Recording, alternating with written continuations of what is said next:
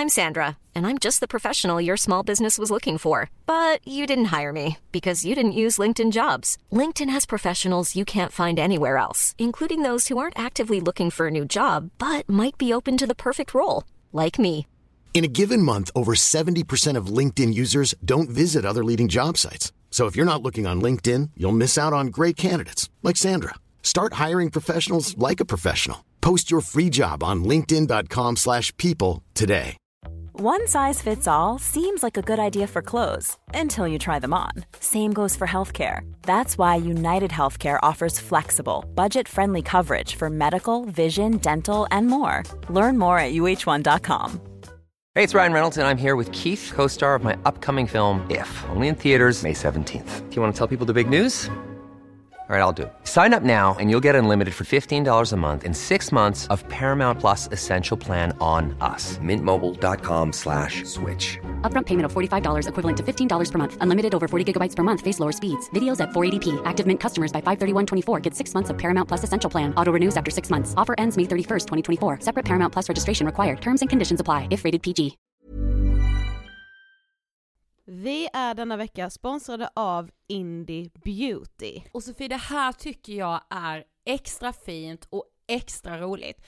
Ja men Indie Beauty är ju ett skönhetsvarumärke som jag tror att väldigt många känner till, men det jag älskar mest det är att Indie Beauty liksom vill vara mer än bara produkter, vilket de ju också är. Exakt, Indie Beauty står ju för Independent Beauty, skönhet på dina villkor och för din egen skull. Och Indie Beauty tror ju stenhårt på ett alternativt skönhetsideal fritt från måsten, skam och känslor av otillräcklighet. Där är jag helt med Indie Beauty. Jag med. Det är så jag vill att skönhet ska vara. Ja men verkligen. Och vet du vad som är nytt för i år Sofie? Berätta. Från och med i år så skänker Indie Beauty 1% av sin försäljning till Suicide Zero, Tjejzonen och Djurens Rätt. Så när man handlar produkter från Indie Beauty så kan man liksom känna att man också ger tillbaka till samhället. Ja, kraften i tillsammans. Ska jag säga en sak nu då, Mm. som jag, det, men det är detta jag är extra glad över. Nu har Indie Beauty tagit fram en keps och den tycker jag ändå så på sommaren, skyddar sig från solen. Jättebra, jag älskar kepsen. Men det bästa, de bidrar till Suicide Zeros viktiga arbete för att minska antalet självmord och självmordsförsök. Så för varje såld keps så går hela vinsten, 100 kronor, direkt till Suicide Zero. Då kan man liksom göra nytta både för samhället och sin hud på en och samma gång. Ja, och kepsen kostar 169 men alltså hela vinsten går då som sagt till Suicide Zero. Mm. Så om man vill göra skillnad när man är där ute i solen, nu när den börjar titta fram, då ska man välja den här kepsen. Den säljs exklusivt på indiebeauty.se och på Apotea. Tillsammans kan vi skapa en ljusare framtid. Vi ses med kepsarna på! Tack Indie Beauty. En dag för tre år sedan fick jag ett tjockt brunt kuvert som innehöll min mammas gamla journaler. Det var hennes gode man Karin som hittat pappren när vi rensade min morfars lägenhet efter hans död. Min mamma, som hade schizofreni, bodde hos honom efter att ha blivit vräkt från sin egen lägenhet. Karin skickade dem till mina fosterföräldrar och skrev Det var lite papper som jag tog hem för jag ville inte att ungdomarna skulle se dem. Jag skickar över de papper som tillhör Christian. Kanske han en dag är intresserad av att läsa dem. Jag hoppas aldrig.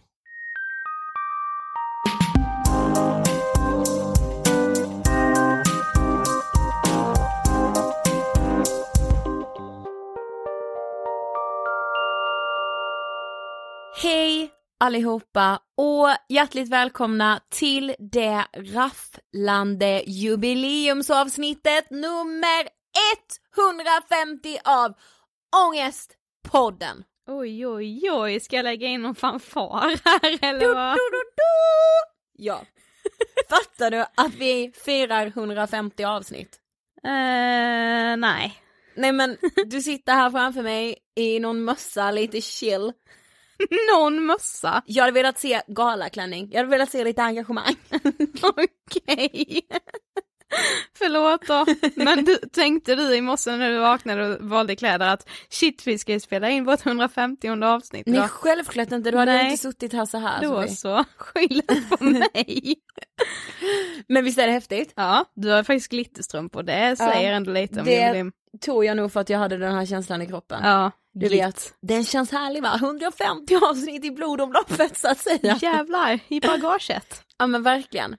Men eh, alltså jag vill kasta mig rätt på, eller jag vill säga, jag vill kasta mig rätt i famnen på vår sponsor Nelly.com. Gör det Ida. Jag känner du det, hur bara kasta mig i famnen på dem. Ja. Gullisarna. Nej jag skojar.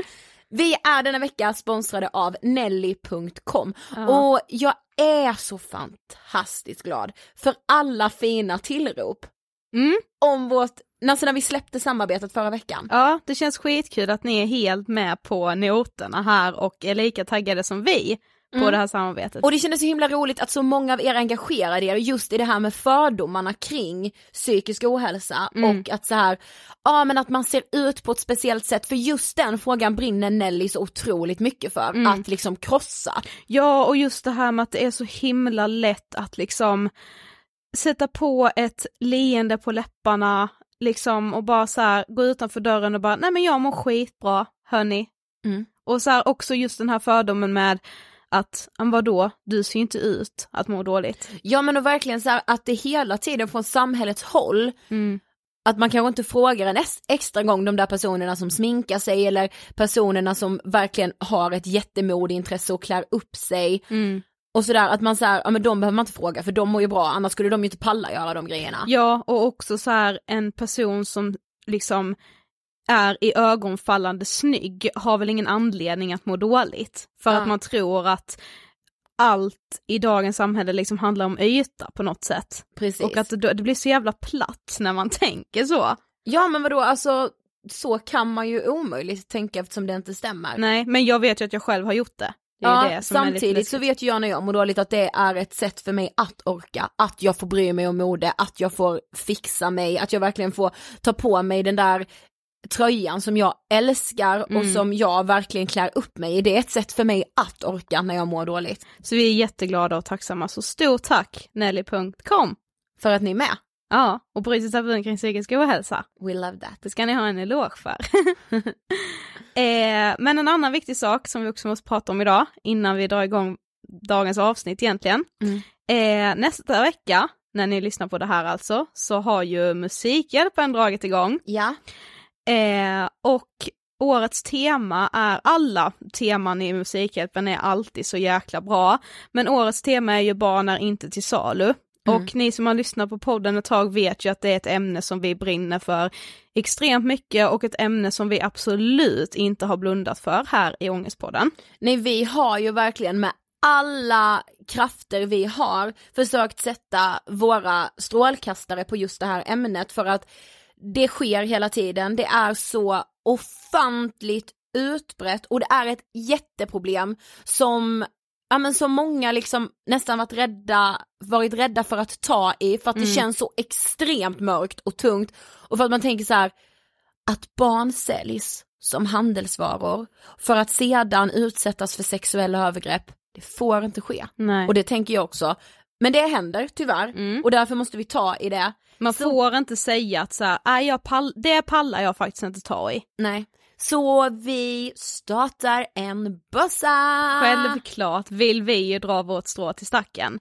Och ni vet ju att vi, när vi har valt att ta upp de här ämnena i podden så har vi gjort det när vi har gjort våra temaserier. Eh, först i Vi måste prata om prostitution och sen nu senast i Vi måste prata om porr. Så vår insamlingsbössa heter ju självklart Ångestpodden pratar om det. Precis. Och vi blir jätteglada om ni skänker pengar via den. Ja, ni kan göra det redan nu. Insamlingen har liksom redan smygstartat lite och vill ni göra det så går ni in på bossan.musikhjalpen.se. Det kommer finnas länk i vår Instagram-bio. Så snälla hjälp oss för barn är inte till salu. Men du, veckans ämne då? Yes. Vi ska ju faktiskt fortsätta i serien om att vara anhörig. Ja, vi har ju gjort några avsnitt om det här med att vara anhörig just. Mm. Och i början av de eh, serierna så har eh, vi läst en text om att så här, den anhöriga aldrig får glömmas bort. Mm. Men vi bytte ut den texten idag för att vi så gärna ville att Christian som är vår gäst, att han skulle läsa från sin bok. Mm. För idag så gästas vi av Christian Dahlström som precis släppte sin bok Kalla mig galen. Mm. Som mycket handlar om hur han har varit anhörig ur ett, en barnsituation. Hans mamma led av psykisk ohälsa. Mm. Och Christian är ju liksom vår, eh, ja men ska man säga, liksom systerpodd eller? Brother from another mother. Ja men verkligen, han har ju podden Sinnessjukt. Yes. Och hela hans berättelse som såklart beskrivs i hans bok, men som han också berättar om här idag, den har ju träffat mig på ett sätt som, du har jag blivit skakig på rösten. Mm.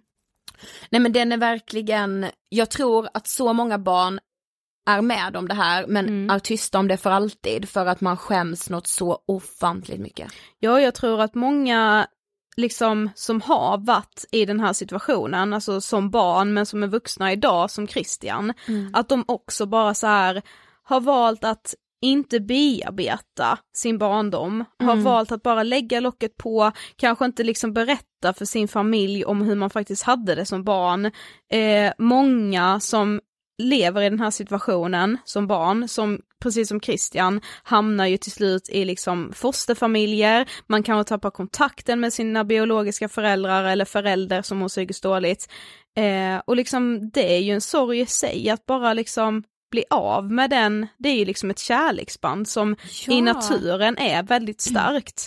Och nu ska vi ju i det här fallet nämna att Christians mamma har ju väldigt tung psykisk ohälsa Mm, eftersom hon bland annat led av schizofreni mm, eh, som är en väldigt tung psykiatrisk di- diagnos som vi inte har tagit upp ännu men Mm. som vi kommer ta upp i framtiden. Men eh, Christians berättelse tror jag inte kommer lämna någon oberörd. det tror inte jag heller. Och vi ska nämna det innan att min mick i själva intervjun kanske låter lite konstigt. Ja, för den var lite söndrig och vi hade inte märkt det förrän efter. Precis, men ni kommer palla lyssna på det ändå. Ja. Och ja men Sofie, jag är verkligen så glad för det här avsnittet för det känns så, förstår du vad jag menar när jag säger att det känns så värdigt? Viktigt, så jag tycker inte vi ska dra ut på det mer nu. Nej, så vi rullar intervjun med Christian Dahlström om att vara anhörig som barn till någon med psykisk ohälsa. Varsågoda! Välkommen återigen Christian till Ångestpodden. Tack så jättemycket. Känner du dig ändå inte lite hemma här?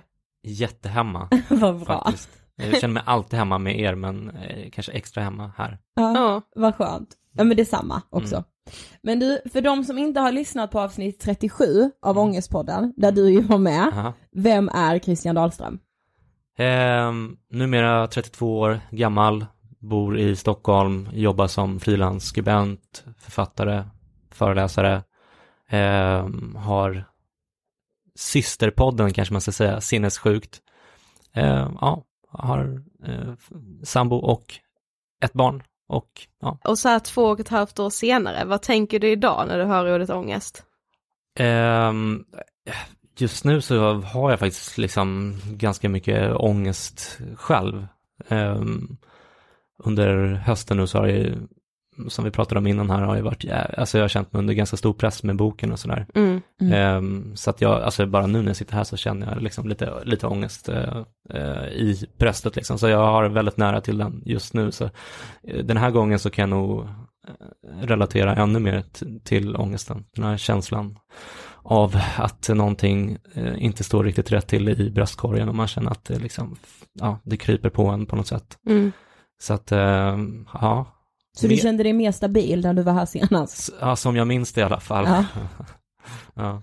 Ja, men idag så ska ju vi fortsätta i vår serie om att vara anhörig till någon med psykisk ohälsa. Mm. Och i det här fallet då din mamma. Mm. Och eh, i början på avsnittet så läste du en del av inledningen till din eh, nya bok, Mm. Kalla mig galen. Eh, och där berättar du att för tre år sedan så fick du din, gam- din mammas gamla journaler. Mm. Så vi tänkte liksom att vi börjar där, för när man läser det, Mm. alltså det känns liksom så himla dramatiskt, förstår du vad jag menar? Att så här få dem, alltså jag vet inte, det känns filmiskt Mm. nästan, alltså hur var det? Ja, men ehm, det var väldigt dramatiskt. Det var väl kanske inte filmiskt eftersom det hände i en väldigt vardaglig situation när mina föräldrar skulle, eh, mina fosterföräldrar då för att vara supertydlig, eh, skulle flytta till landet. Så fick jag eh, det här eh, kuvertet med delar av hennes journal ska jag säga, men Mm. Och så var det den här um, notisen i som jag skriver i boken också, som, den är ju nästan lite filmisk i det att hon, hennes gode man skriver typ, eh, ja men, eh, det här är lite papper från, från eh, eh Åses eh, journaler, eller jag hoppas, jag hoppas inte att ungdomarna läser det typ. Mm. Um, så att hon ville väl inte att jag skulle läsa det. Hon, hon, jag är väldigt nära hennes gode man, vi blev väldigt uh, nära vänner. Mm. Så att nej, det var, det var, väl, det var dramatiskt, eller det, det var dramatiskt framförallt när jag började läsa dem, för att jag läste dem inte direkt, utan de låg på en stol i köket i ett par månader, eller kanske mm. till och med ett år, jag vet inte exakt hur långt det var, men jag vågade inte, eller ja, jag orkade inte läsa dem liksom. Men sen när jag läste dem så var det ju var det ju dynamit får man säga. Mm. Mm. Och jag tänker så att de ligger där på någon stol och bara bränner så här varje gång man går förbi. Ja, uh.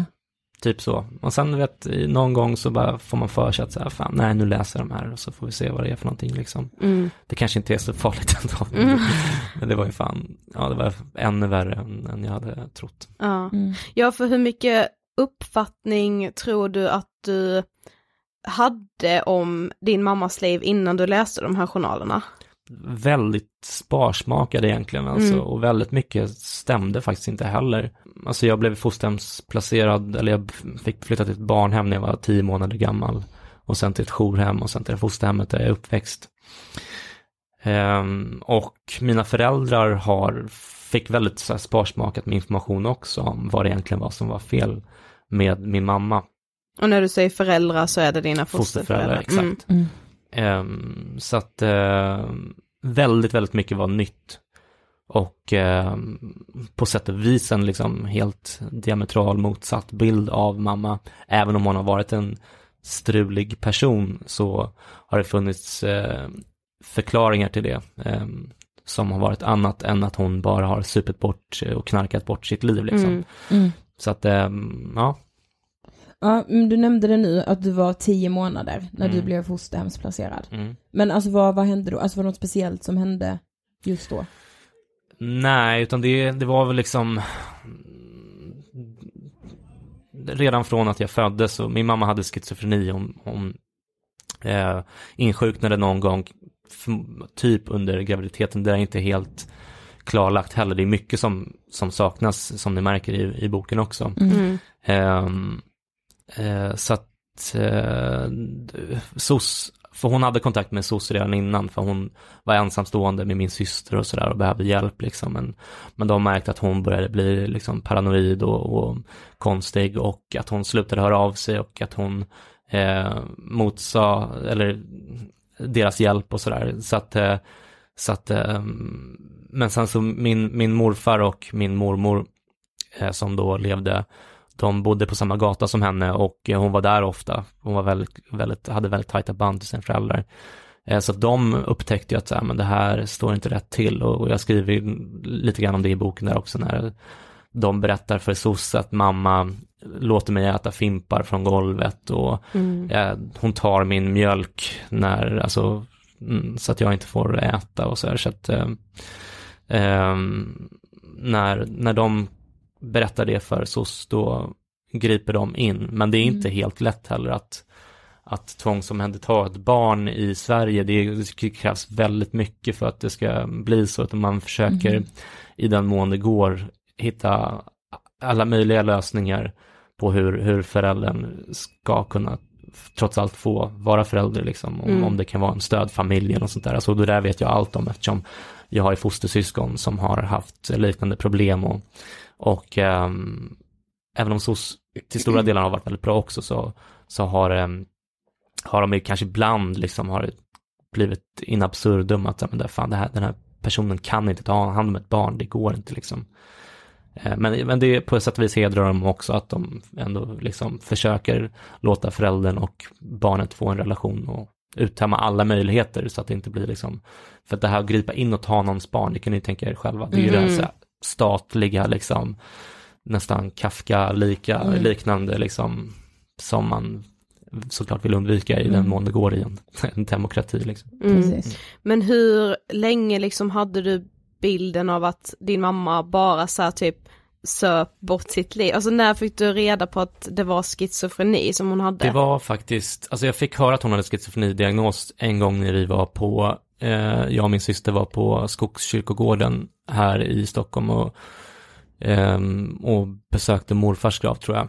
Hur gammal var du då? Eh, det var, jag var i 20 års ålder någonting, kanske 20, mellan 20 och 25 någonstans, jag minns Mm. faktiskt inte exakt men otroligt märkligt ändå att, alltså att en sån viktig detalj, helt avgörande detalj i Mm. mitt liv. Ja, Att det är den, ju egentligen he- alltså så Ja, här, ja. ju den största ja, Alltså, den förklarar så mycket. Det är ju av- hela uppväxten Ja. egentligen. ja. Exakt, och att den kommer fram med ett sånt, ja, bara liksom i förbifarten, jaha, visste inte du att hon har fått schizofrenidiagnos? Och att hon, nej, ingen aning. Liksom. Men var det din syster då som sa det till dig? Ja, precis, exakt. Mm. Min, det är min äldre syster, så hon har haft lite liksom mer eh, koll och, och sådär och, Mm. och liksom haft, fått mer information såklart eftersom hon varit äldre från myndigheter och sådär. Mm. Men att inte mina föräldrar har fått den informationen, alltså mina fosterföräldrar. Ja.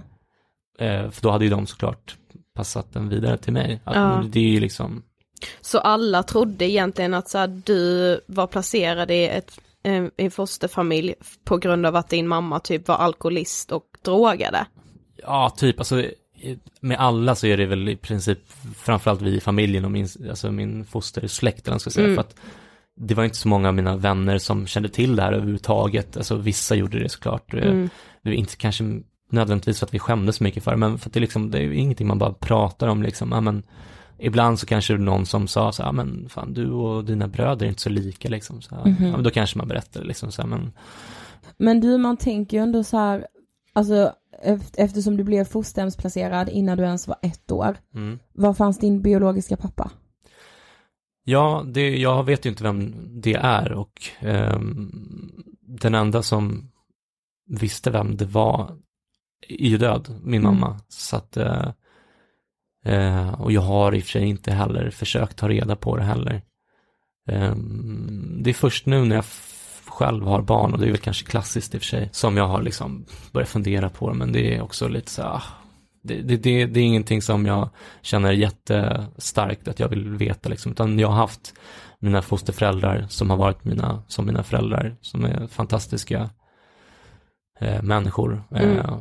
och alltså, ja, det, är någonstans, alltså det är mycket som spelar in här, men jag kan också känna lite grann så här, fan, tänk om det är en till strulpelle liksom. Mhm. Tänk om jag måste liksom engagera mig i en till liksom persons liv som inte riktigt har grejerna på plats liksom. Mm. Och som inte har varit en del Nej. av ditt liv hittills, Nej. så varför Mm. ska du lägga Nej. energi på Nej. det?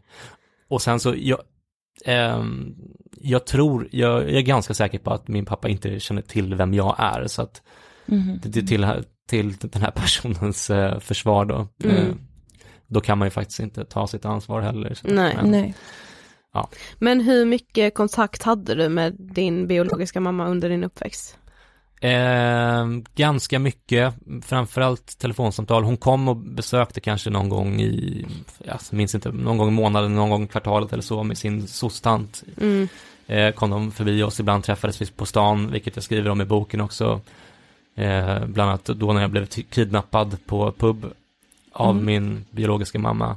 Eh, men hon ringde ganska ofta, och, eh, väldigt, i princip alltid eh, full eller liksom hög. Och eh, hon sa nästan alltid samma sak. Eh, hon bara, "Nej, vi ringde till din syster, men hon svarade inte, så jag ringde till dig. Så här. Mm. Det var, alltså hon, så här, hon, hon var så växt att hon menade ingenting illa, hon förstod bara inte hur, hur, det illa lät. det lät. Och Nej. i, alltså egentligen, i grund och botten så var det mest skönt för mig att hon ringde till min syster så mycket och inte till mig. För att Mm. de här samtalen var inte särskilt givande för mig, liksom, utan Nej.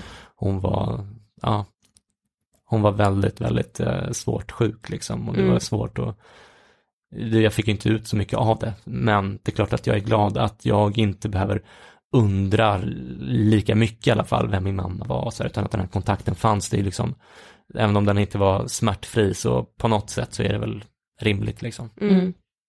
Men alltså alla de här scenerna som du beskriver i boken från Mm. gånger du har träffat din mamma, allt ifrån, ja, men som du sa, när liksom polisen blir inblandad efter eh, den här händelsen på pub, vi kommer till den lite senare, eh, till att så här du beskriver att ni går på julbord som en helt, ja men vanlig, säger jag nu, familj.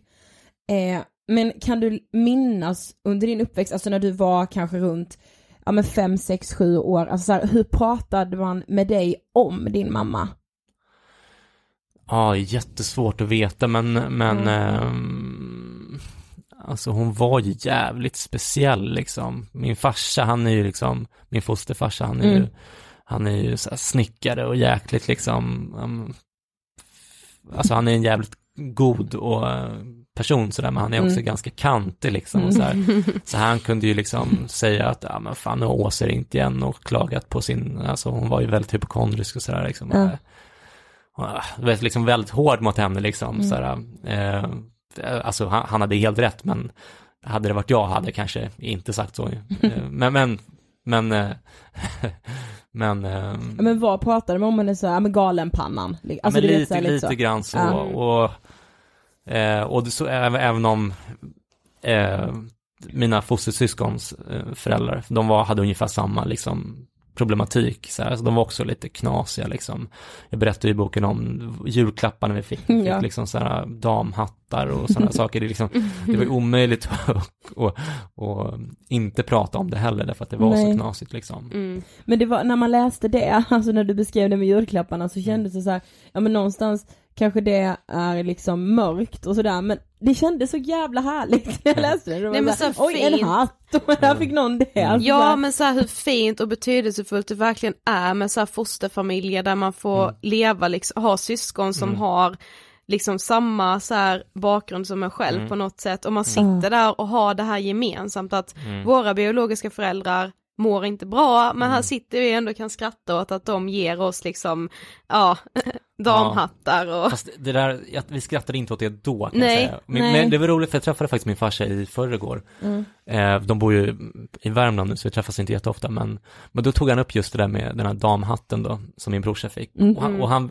reagerade exakt likadant som mig. Alltså det var det första han sa, ja ah, men jag läste det där med hatten, det var så jäkla roligt. Ut, så här. Ja. Jag bara, fan, vad fan det här är den deppigaste boken ever liksom och du garvar åt en liksom sak som, alltså jag har ju försökt skoja till det lite grann också. mm, För att annars blir en sån här bok, eh, det är ingen som orkar läsa om det blir för deppigt liksom. Mm. Och det finns ju verkligen roliga detaljer här och vi Ja. har skrattat mycket åt det under åren, men kanske framförallt nu senare år, jag och Mm, mina, mm. mina syskon liksom att så här, "Fy fan det var ju så jäkla sjukt det där liksom. Mm. Där och Och- då förstår jag att det inte är så kul för att då är det hela den här bilden av att man ska komma tillbaka till skolan och Ja, berätta om vad man har fått i julklapp Ja. och man vill liksom De, inte säga de vilken julklapparna var damhatt. det ingen som berättade om i Nej, skolan kan jag det säga. förstår jag. Det var väldigt märkligt, men redan när man satt där var det också lite så konstig stämning liksom, Jaha, vad fan ska de, vad ska, vad ska mina fosterföräldrar säga när, när min brorsa får en röd damhatt liksom? Ja. Det finns ju ingenting att säga liksom, utan, Nej.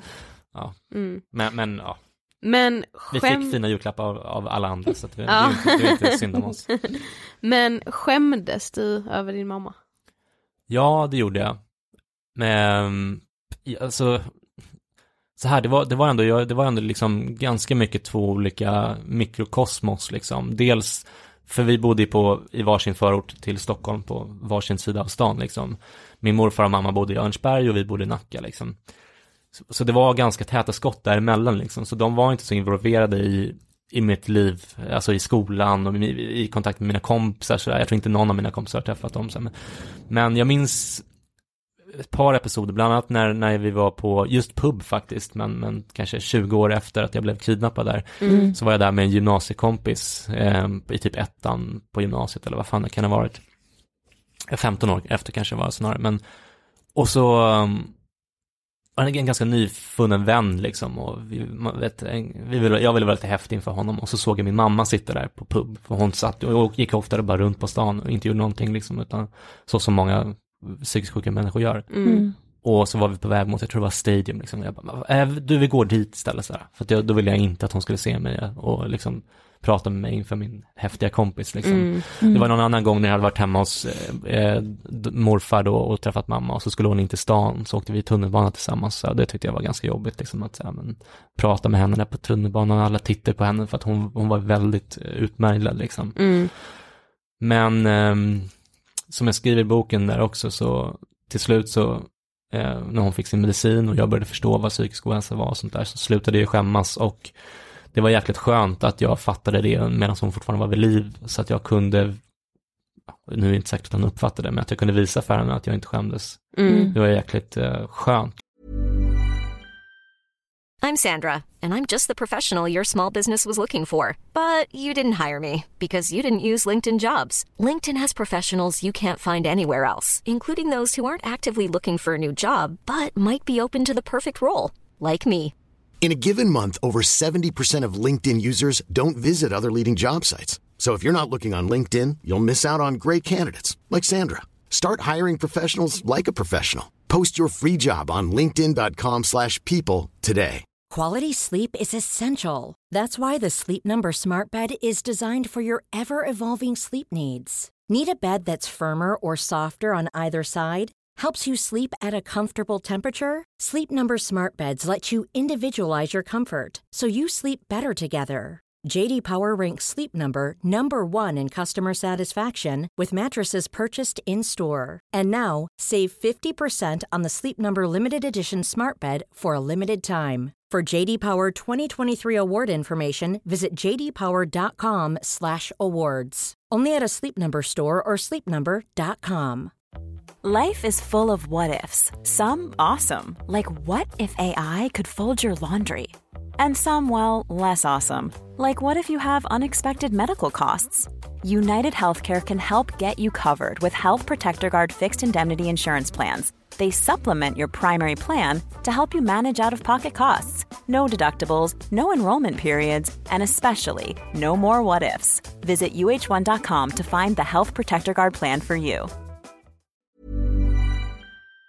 Liksom, då, slipper man det här dåliga samvetet efteråt. Att jag Mm. liksom, någonstans har jag ändå stått upp för min mamma när jag har fått, när jag har fattat vad det här handlade om. Så att jag, jag skäms inte för att jag skämdes för henne innan dess. För att jag, jag, jag hade inte förutsättningar att förstå vad det var som hade hänt liksom. Nej, och nu, liksom nu om någon gång genom den här boken så står ju du verkligen upp för din mamma. Ja, Mm. Även ifall den liksom är så här, den är liksom mörk, men sen har vi de där bitarna som är julklapparna som liksom på något sätt lättar upp den lite, Mm. men det är ju samtidigt bara så här, du delar liksom er gemensamma historia på något Mm. sätt på ett väldigt fint sätt. Och det är ju verkligen att, ja men på något sätt verkligen stå upp för henne och hennes psykiska sjukdom. Mm. Ja, men jag blir jätteglad att ni säger det, för att det är, alltså, bitarna med henne har ju varit det liksom det jobbigaste i det här. Mm.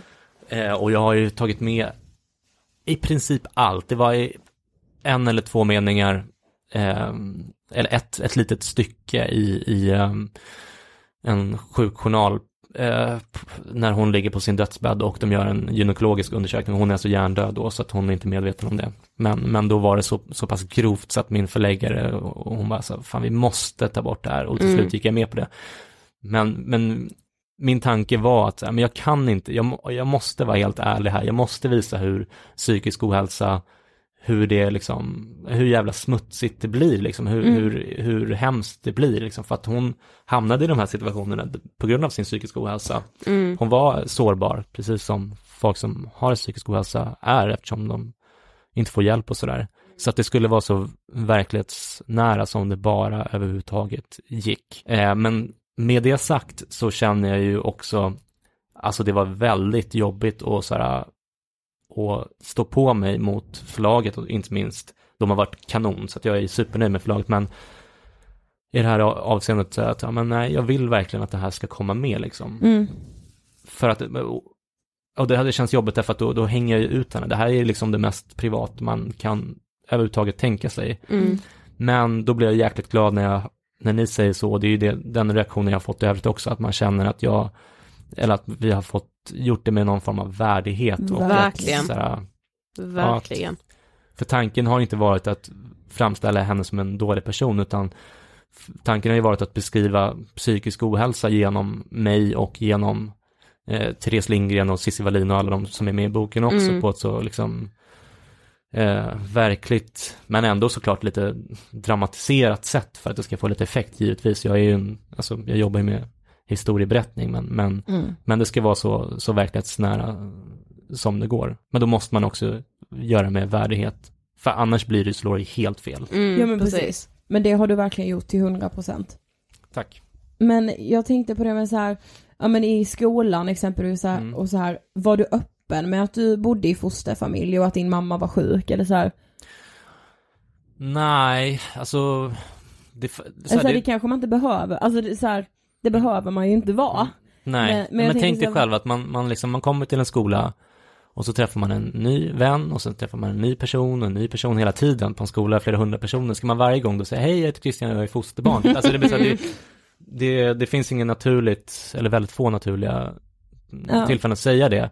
Men det har ju det har ju hänt, alltså mina närmaste vänner har ju vetat det därför att då umgås man så mycket liksom. Mm. Och sen har det varit saker, alltså Typ, jag minns i bi- biologin tror jag det var, så skulle man göra en sån här liksom, en sån här ärftlighetsgrej. Ja men om din mamma har blå ögon och din pappa har bruna ögon, då är det en fjärdedels chans att Ja. få de här och de här. Och så är jag, ja men jag vet inte vad min pappa är och jag träffar inte min mamma tillräckligt ofta för att veta vad hon har för färg på ögonen ens liksom. Mm. Eh, Så då blev det lite så här, men då kanske man sa det till läraren snarare än sånt där. Men det, det hade hänt att det har kommit fram och jag har skri- beskrivit det en eller två gånger i boken också, bland annat när, det, när vi har någon så här inskolningsgrej med i sjuan med en tjej som som eh, jag blev lite kär i, hon blev lite kär i mig så här, och då, eh, ja, då beskriver jag också lite grann eh, så här, mekanismerna som kan komma av att man berättar om det här, Mm. ja, utan att säga för mycket och spoila här. Ja, eh, men nu har du nämnt det några gånger, så här kidnappningen på pub, Mm. men vill du berätta om den händelsen? Ja, det har absolut inga problem med att göra det, utan det, det var så här att jag, ehm, jag och min fostermamma och mitt fostersyskon, det känns så konstigt att säga det, jag säger ju bara min mamma och min bror när, Mm. när, i, i alla andra sammanhang, men eftersom vi eh, inte ska blanda ihop dem med min biologiska mamma så, så får man göra det här. Mm. Vi träffade, eh, vi kom överens om att träffa min, min biologiska mamma på pub, så vi åkte, vi tre åkte och träffade mamma på Hötorget här i Stockholm. Och så gick vi in på pub. Och så skulle vi kanske eventuellt fika ifall allting hade gått bra, sen först skulle vi gå till leksaksavdelningen och eh, min brorsa, jag är, jag minns inte, ett par år gammal, tre, fyra kanske, min brorsa är ett eller två år äldre. Eh, och eh, så min, min eh, fostermamma får ju, liksom- behöver ju liksom hålla reda på både mig och min brorsa och min mamma då, eftersom hon vet att hon är lite opålitlig. Ja, Och sen i ett obevakat ögonblick så är jag och min mamma borta bara, min biologiska mamma. Eh, och min fostermamma får ju såklart panik liksom. Ja. Så hon tar min andra bror och sätter honom i vagnen och, och det här är liksom innan internet och mobiltelefoner och allt liksom. Så att hon får irra runt på stan och eh, försöka få tag på en polisstation liksom. Det här låter ju helt sjukt för oss liksom. Det är ju Ja. ett knapptryck bort idag. Ja. Men, men det tog en, en ganska lång stund innan hon hittade en, en polisstation i sitt där. Och eh, när hon väl gjorde det så fick hon lämna signalement och sådana där grejer. Eh, och de tog det här på väldigt stort allvar. Det blev ett jä- jättestort polispådrag i Stockholm den dagen. Eh, och eh, de åkte såklart först hem till mamma och sen hem till eh, morfar eftersom de visste att hon var mycket där. Och eh, när de kom hem till morfar så var, var jag och min mamma där. Mamma hade barrikaderat oss i morfars kök. Dragit, för, eller, dragit ut eh, så här hurtslådor för dörren så att det inte gick att öppna den. Eh, vilket de lådorna var, liksom man kunde se märkena hela vägen, alltså hela, till, ända tills vi sålde morfars lägenhet eh, väldigt mycket längre senare. mm. Men så de fick slå in dörren där och då satt min mamma där på en stol och med benet över det andra och vickade liksom nervöst med det och satt och rökte, kedjerökte liksom. Rummet var helt fyllt med rök och där satt jag liksom i den här röken med min blöja som var överfull. Och eh, ja, vi fattade ingenting liksom som tur var. Så att det var, det var jäkligt dramatiskt. Mm. Eh, och det är faktiskt, det är faktiskt inte enda gången något av syskonen i vår familj har blivit kidnappat av sina föräldrar. Men det har jag inte pratat om i boken, utan det, det, vill, jag, det vill jag låta dem ha för sig liksom. Men Mm. så att det är ju ganska, det är ganska speciellt, eller hur? Ja Mm. men verkligen. Mm. Eh, men det var så bra liksom att, ja men så här, det är så bra att prata om det för att så här, det är vissa barns verklighet och det Mm. måste berättas. Mm. Så kände jag verkligen när jag läste det. För det smärtar ju otroligt att läsa det. Mm. Eh, och man tänker så här, men speciellt vi som känner dig, man bara lilla Christian, Mm. Nej liksom. Mm. Eh, men det är så viktigt att berätta det. Mm. Ja men att, att berätta den delen av psykisk ohälsa. Ja, precis. Och för mig så, det viktiga för mig är inte nödvändigtvis att prata om min mamma eller om mig. Jag tycker, jag tycker att det varit skönt att, att berätta om min mamma och om hennes Mm. goda sidor och sådär också, men hela poängen här för mig, och det har ni såklart förstått, det är att jag vill lyfta den här frågan till något större och förklara att så, men, för politiker, för folk som jobbar med det här, för folk, vem som helst som läser den här boken, att det är så här det funkar, det är så här illa det blir Mm. när vi inte tar det här problemet på allvar. Då är det liksom eh, s- små barn som, som det jag drabbar som inte sitter en där person. i, alltså det är de här, de här dramatiska, man måste ge folk en liten reality check, det Ja. ska kännas ordentligt i magen här. Liksom, det, det krävs nästan det för att förändringen ska komma, det är ju det är därför de här cancergalorna visar bilder på små barn som har Precis. liksom ballongmage och sånt där för att Mm. man liksom så här, man ska fatta liksom att det här händer på riktigt Mm. Mm. och det här är så allvarligt liksom, vi kan inte blunda för det, vi måste liksom. Så då måste man på något sätt tala både till folks eh, logiska hjärna och till deras eh, emotionella hjärna liksom. Så jag, och Mm. jag har försökt tala till båda i den här boken då. Mm. Försökt få med vetenskapliga också som ni vet att jag eh, gillar. Eh, Mm. Också och intervjuat de verkligt bästa, bästa experterna inom det här äm- ämnet också. Mm. Så blandningen där hoppas jag ska ge, ge effekt. Det Ja. tror jag. Men alltså vi har fått väldigt mycket så här önskningar från våra lyssnare om att just ta upp det här, att vara liksom, om en barn till någon som är psykiskt sjuk. Och väldigt många i de här mejlen har beskrivit för oss att så här, man mentalt känner att man är äldre än sin förälder. Mm. Och det beskriver du också i Mm. boken. Mm. Alltså kan du typ förklara det lite? Nej men alltså väldigt tidigt så kände jag det liksom att men jag började, jag minns en gång när mamma ringde så, så hade jag suttit och funderat och, och jag var tidigt så här, lite så här, jag började alltså, matematiskt ganska tidigt, så jag började så här räkna på hur mycket pengar hon skulle spara på att sluta röka så här. Så när hon ringde så när jag var kanske 7, 8, 9 år eller något sånt där så var mamma, jag tänkte på det här, om du slutar röka så här liksom. Så, äh. så att eh, jag kände ganska tidigt någon form av ansvar för min mamma och det är ju klassiskt såklart. Mm. I mitt fall så har jag ändå varit väldigt, väldigt bra att jag har, inte har bott med min mamma. Ehm, jag såg ju den här filmen, Susanne Ostens film som jag inte minns, eh, Flickan, mamman och demonerna tror jag den heter. Mm. Som, som handlar om en vä- väldigt lik historia som, som den jag har, eh, alltså med, med en mamma och ett, ett barn. I det fallet tror jag att det är en flicka, men en mamma som har schizofreni. I det fallet så väx, växer den här, eh, det här barnet upp med mamman. Eh, och det är, jag tror att det är Susanne Ostens egen historia som är liksom dramatiserad där. Och då, mm, då får man ju se hur det kan gå när man verkligen bor med en person som mår så här dåligt. Jag hade trots allt en fosterfamilj som var väldigt städad och liksom Mm. sådär ordentlig och Du normal hade ändå den tryggheten. Ja, så att det spillde över från mamma hela Mm. tiden liksom, med de här telefonsamtalen från polisen och sådär liksom.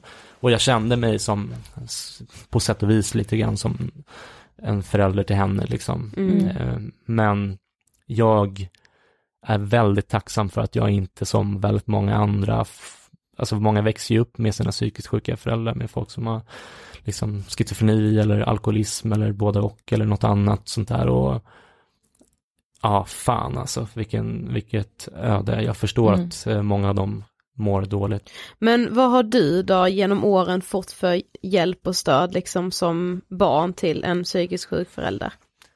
Ja, det har varit ehm, relativt bra ändå måste jag säga. Um, SOS har varit ganska bra. Typ, och polisen typ när det där hände. Ja. De var väldigt, tog det väldigt seriöst och sådär.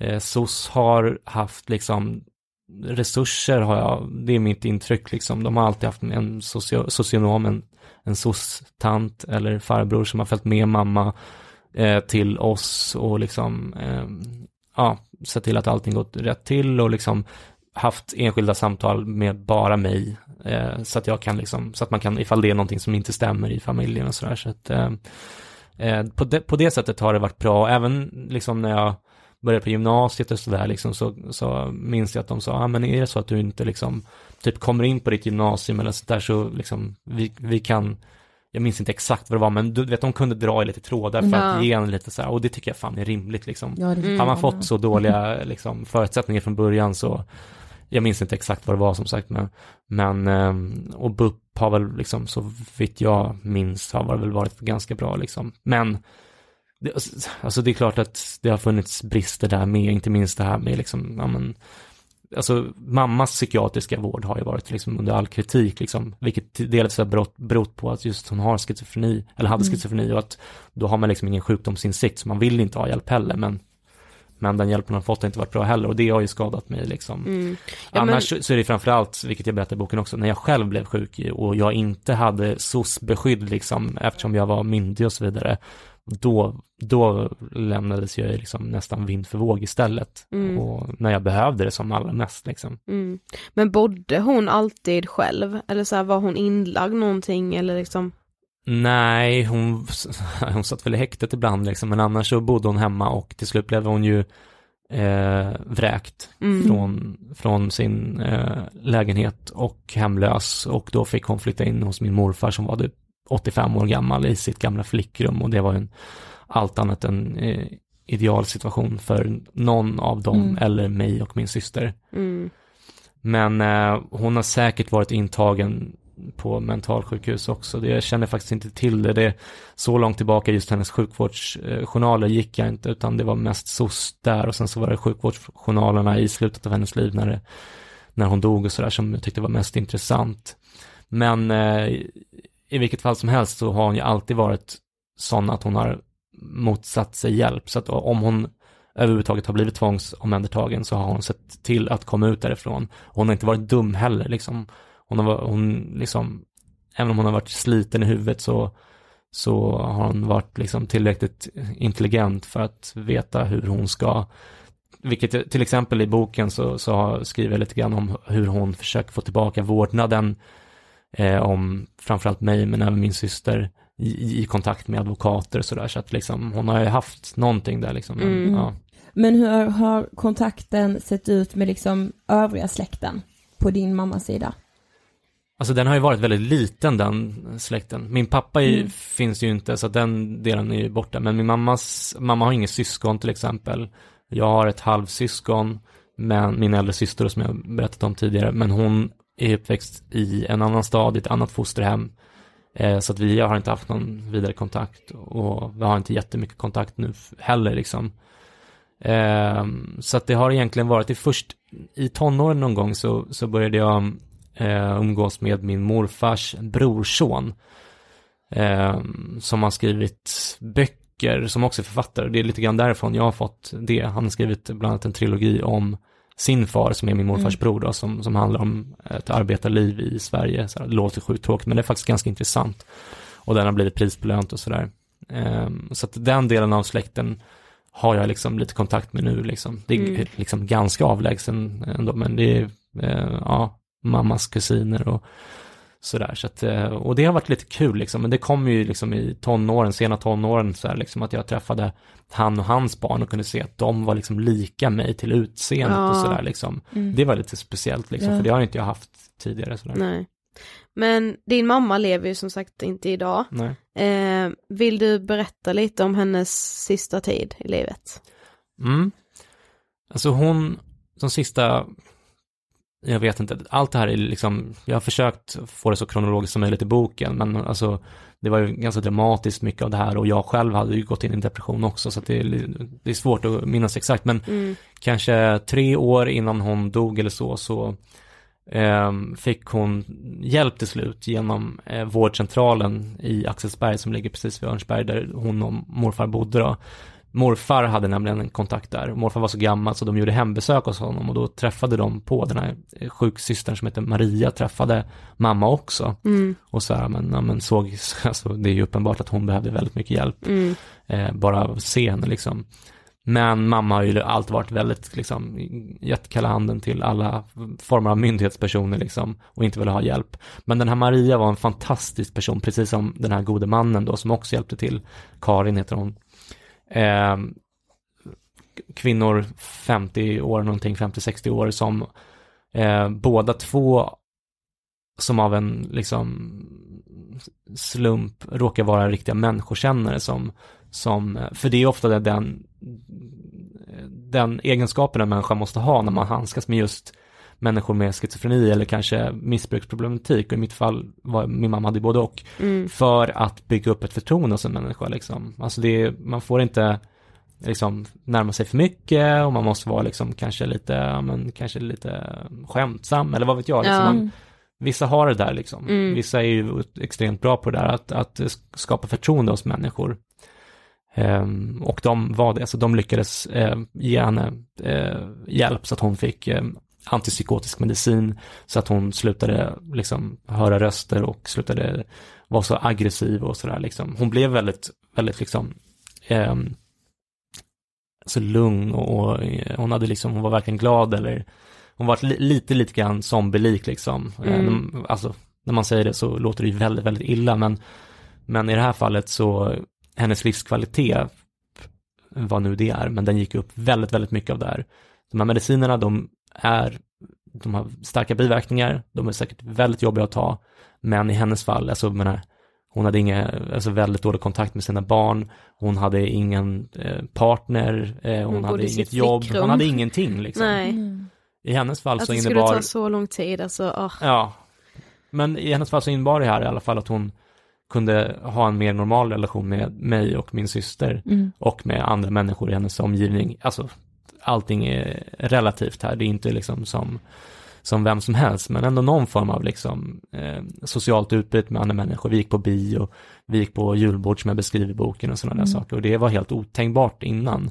Så att eh, de sista åren i hennes liv så hade vi ändå en liksom relativt normal relation, vilket jag är otroligt glad för, för att Mm. eh, Alltså hon hade dött förr eller senare ändå för att det gör människor som har den här typen av sjukdomar eh, alltid. Eh, de dör alltid eh, väldigt, väldigt mycket tidigare, i genomsnitt 15-20 år innan eh, människor som inte har svåra psykiska sjukdomar.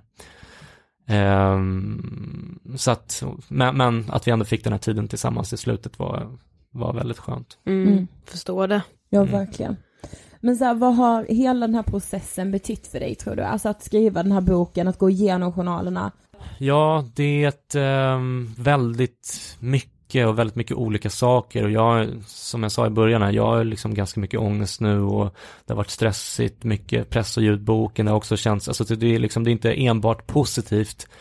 Ehm, det ligger nära till hands att säga att ja, men det har varit terapeutiskt, det har Ja, varit precis. utvecklande för mig, Ja. vilket det verkligen har varit, men men eh, det kommer ju med en, med en insats här också och jag vet faktiskt inte exakt. Jag, jag, jag hoppas och tror att det här kommer att ha någon form av terapeutisk effekt på mig, att det ska vara bra för mig. Det tror jag verkligen.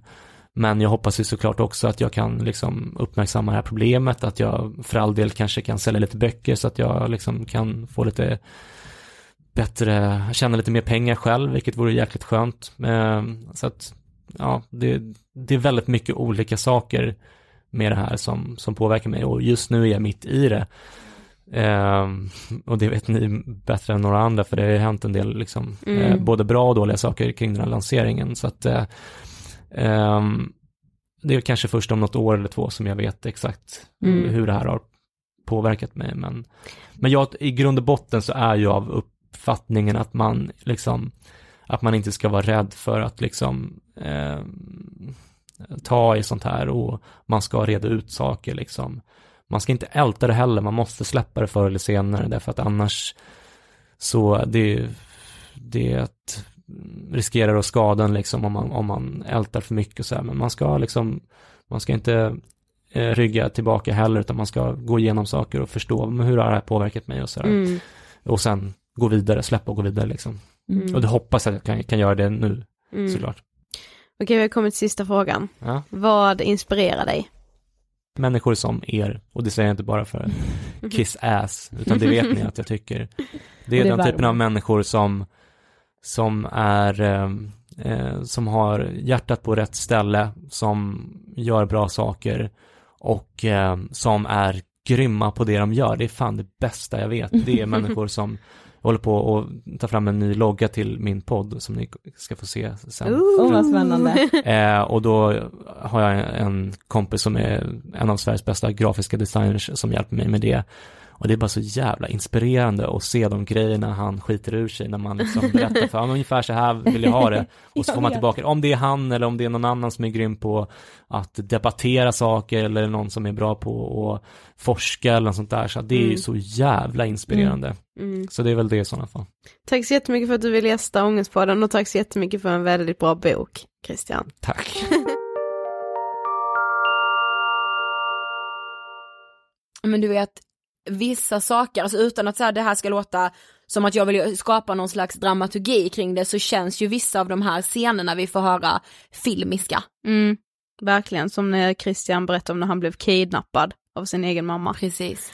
Eh, vill ni läsa boken eh, så kan man köpa den i typ alla bokhandlar som finns, både på nätet och i fysisk butik. Och den heter som sagt Kalla mig galen. Yes, och vi har ju läst den och kan varmt, varmt, varmt rekommendera den. Verkligen. För man får inte bara läsa om Christians berättelse utan man får läsa om andra personer som har varit öppna med sin psykiska ohälsa. Han har väldigt mycket viktig, alltså så statistik och liksom forskning som man inte har en aning om om man inte är Precis. så insatt som Christian är. Bland annat är ju två av våra favoriter med, nämligen Therese Lindgren och Cissi Wallin. Yes. Mm. Men du, 150 avsnitt, Ja. hur känner du? Det känns bra. Du känner att vi bara ska gasa in i veckans hiss eller? Yes. Ja, jag, jag tror jag hissat där innan. Så Jaha. sjuk i huvudet är jag idag. Ja, så, jag, okej. ja, så jag ska hissa igen alltså. Mm.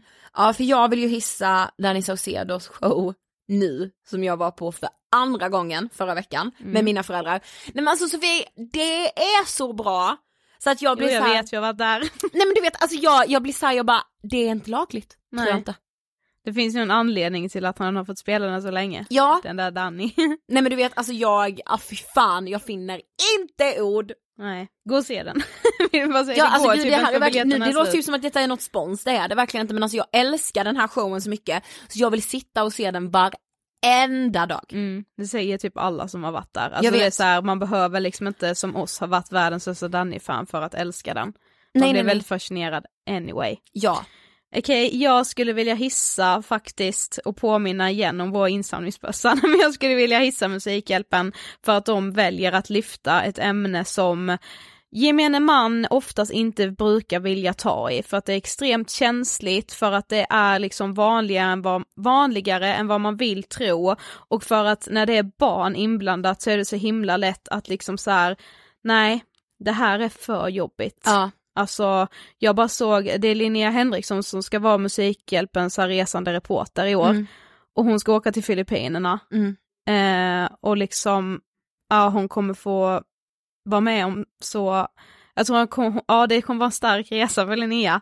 Jag är på ett sätt inte avundsjuk på henne. nej.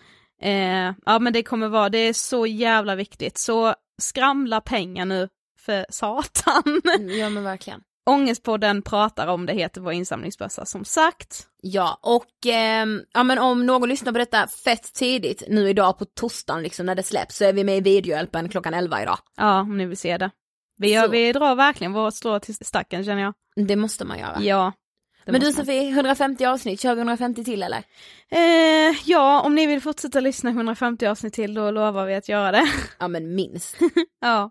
Okej, Ha det bäst så hörs vi som vanligt nästa vecka. ja och då kommer vi inte vara själva, vi kommer vara många i podden nästa vecka, så kan vi säga. Ja, Ja, men vi hörs då. ha det. Love you, hejdå. Hejdå.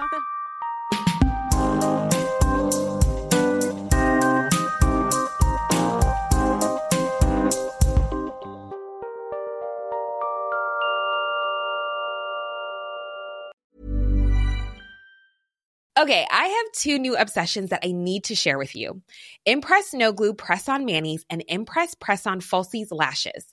Trust me, these are getting ready game changers.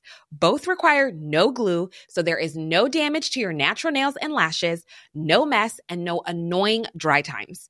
Just one step and you're done. Boom. Instant glam. Visit impressbeauty.com slash presson and use code PRESSON25 at checkout for 25% off Impress Manicure and Press On Falsies.